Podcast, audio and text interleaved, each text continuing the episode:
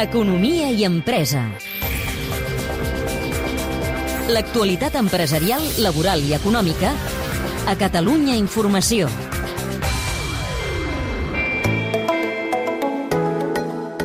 Coca-Cola anuncia una inversió de més de 2 milions i mig d'euros a la planta que té a Martorelles per produir i distribuir llaunes amb agrupadors de cartró reciclable.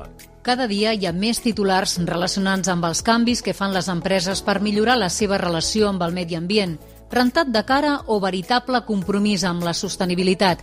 Les companyies necessiten eines per impulsar aquests canvis i aquí entren en joc les empreses de formació o acceleradores. YouChange va néixer fa un any amb l'objectiu de fer tallers ràpids perquè els mateixos treballadors trenquin les barreres mentals i facin propostes per adquirir un compromís social que permeti canviar el món, sense perdre de vista que l'empresa ha de ser rendible. Lo más importante de todo lo que hablaremos hoy es el propósito, porque el propósito es como la brújula que va a dirigir el negocio de la... De És Miquel Guri, cofundador i director creatiu de YouChange. El camí d'aquesta empresa va començar a finals del 2019 a la farmacèutica Galenicum, a Esplugues. visto casos de blisters que se pueden reciclar, se pueden esterilizar y reciclarlos.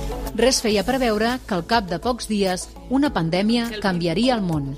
Amb el Covid eh, ens hem hagut de reinventar tecnològicament, però eh, la metodologia la podem fer igual. Podem fer els mateixos tallers de co-creació i ara, a més, podem arribar encara a més persones. I amb el Covid també ens ha passat que ha augmentat l'interès per implicar-se socialment per part de les empreses. I aquí la YouChange es pot servir de guia per fer aquests passos que s'han de fer.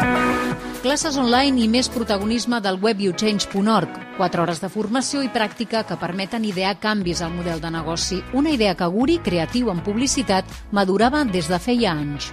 Això ve després de, de 10 anys picant pedra en aquest sector des del punt de vista que nosaltres hem co-creat amb les empreses moltes vegades projectes d'aquest estil i hem vist que les, moltes empreses, les que estan conscienciades, tiren endavant, però la gran majoria els hi costa prendre decisions estratègiques en aquest sentit de sostenibilitat. La sostenibilitat és tendència, però el compromís social s'ha imposat amb la pandèmia.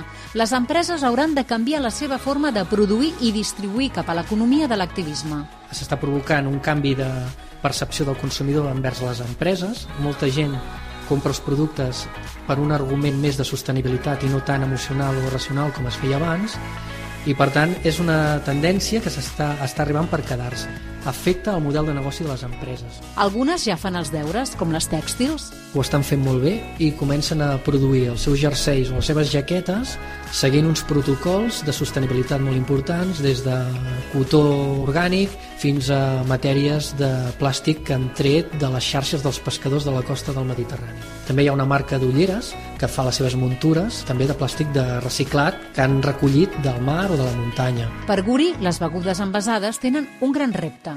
Al final, la botella d'aigua arriba a un supermercat, és d'un sol ús i és plàstic. I, per molt que sigui, algunes botelles ja solen ser de plàstic 100% reciclat, el que impera és no consumir plàstic. Aleshores, aquí sí que tenen un gran repte i per això estan naixent altres iniciatives eh, basades en l'aigua de l'aixeta. Però per fidelitzar els clients també es poden explorar altres línies de compromís. Però hi ha algunes empreses que fent aquest esforç van més enllà i, i fan projectes per empoderar la dona, per exemple, perquè doncs, dins del seu territori social eh, li dona molta importància a la igualtat de gènere. I això es pot ser també una línia molt bona a dia d'avui, no?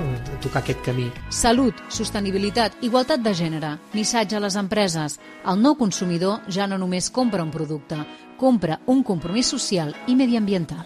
És un reportatge de Carme Montero. El teniu ja disponible al podcast de l'Economia i Empresa.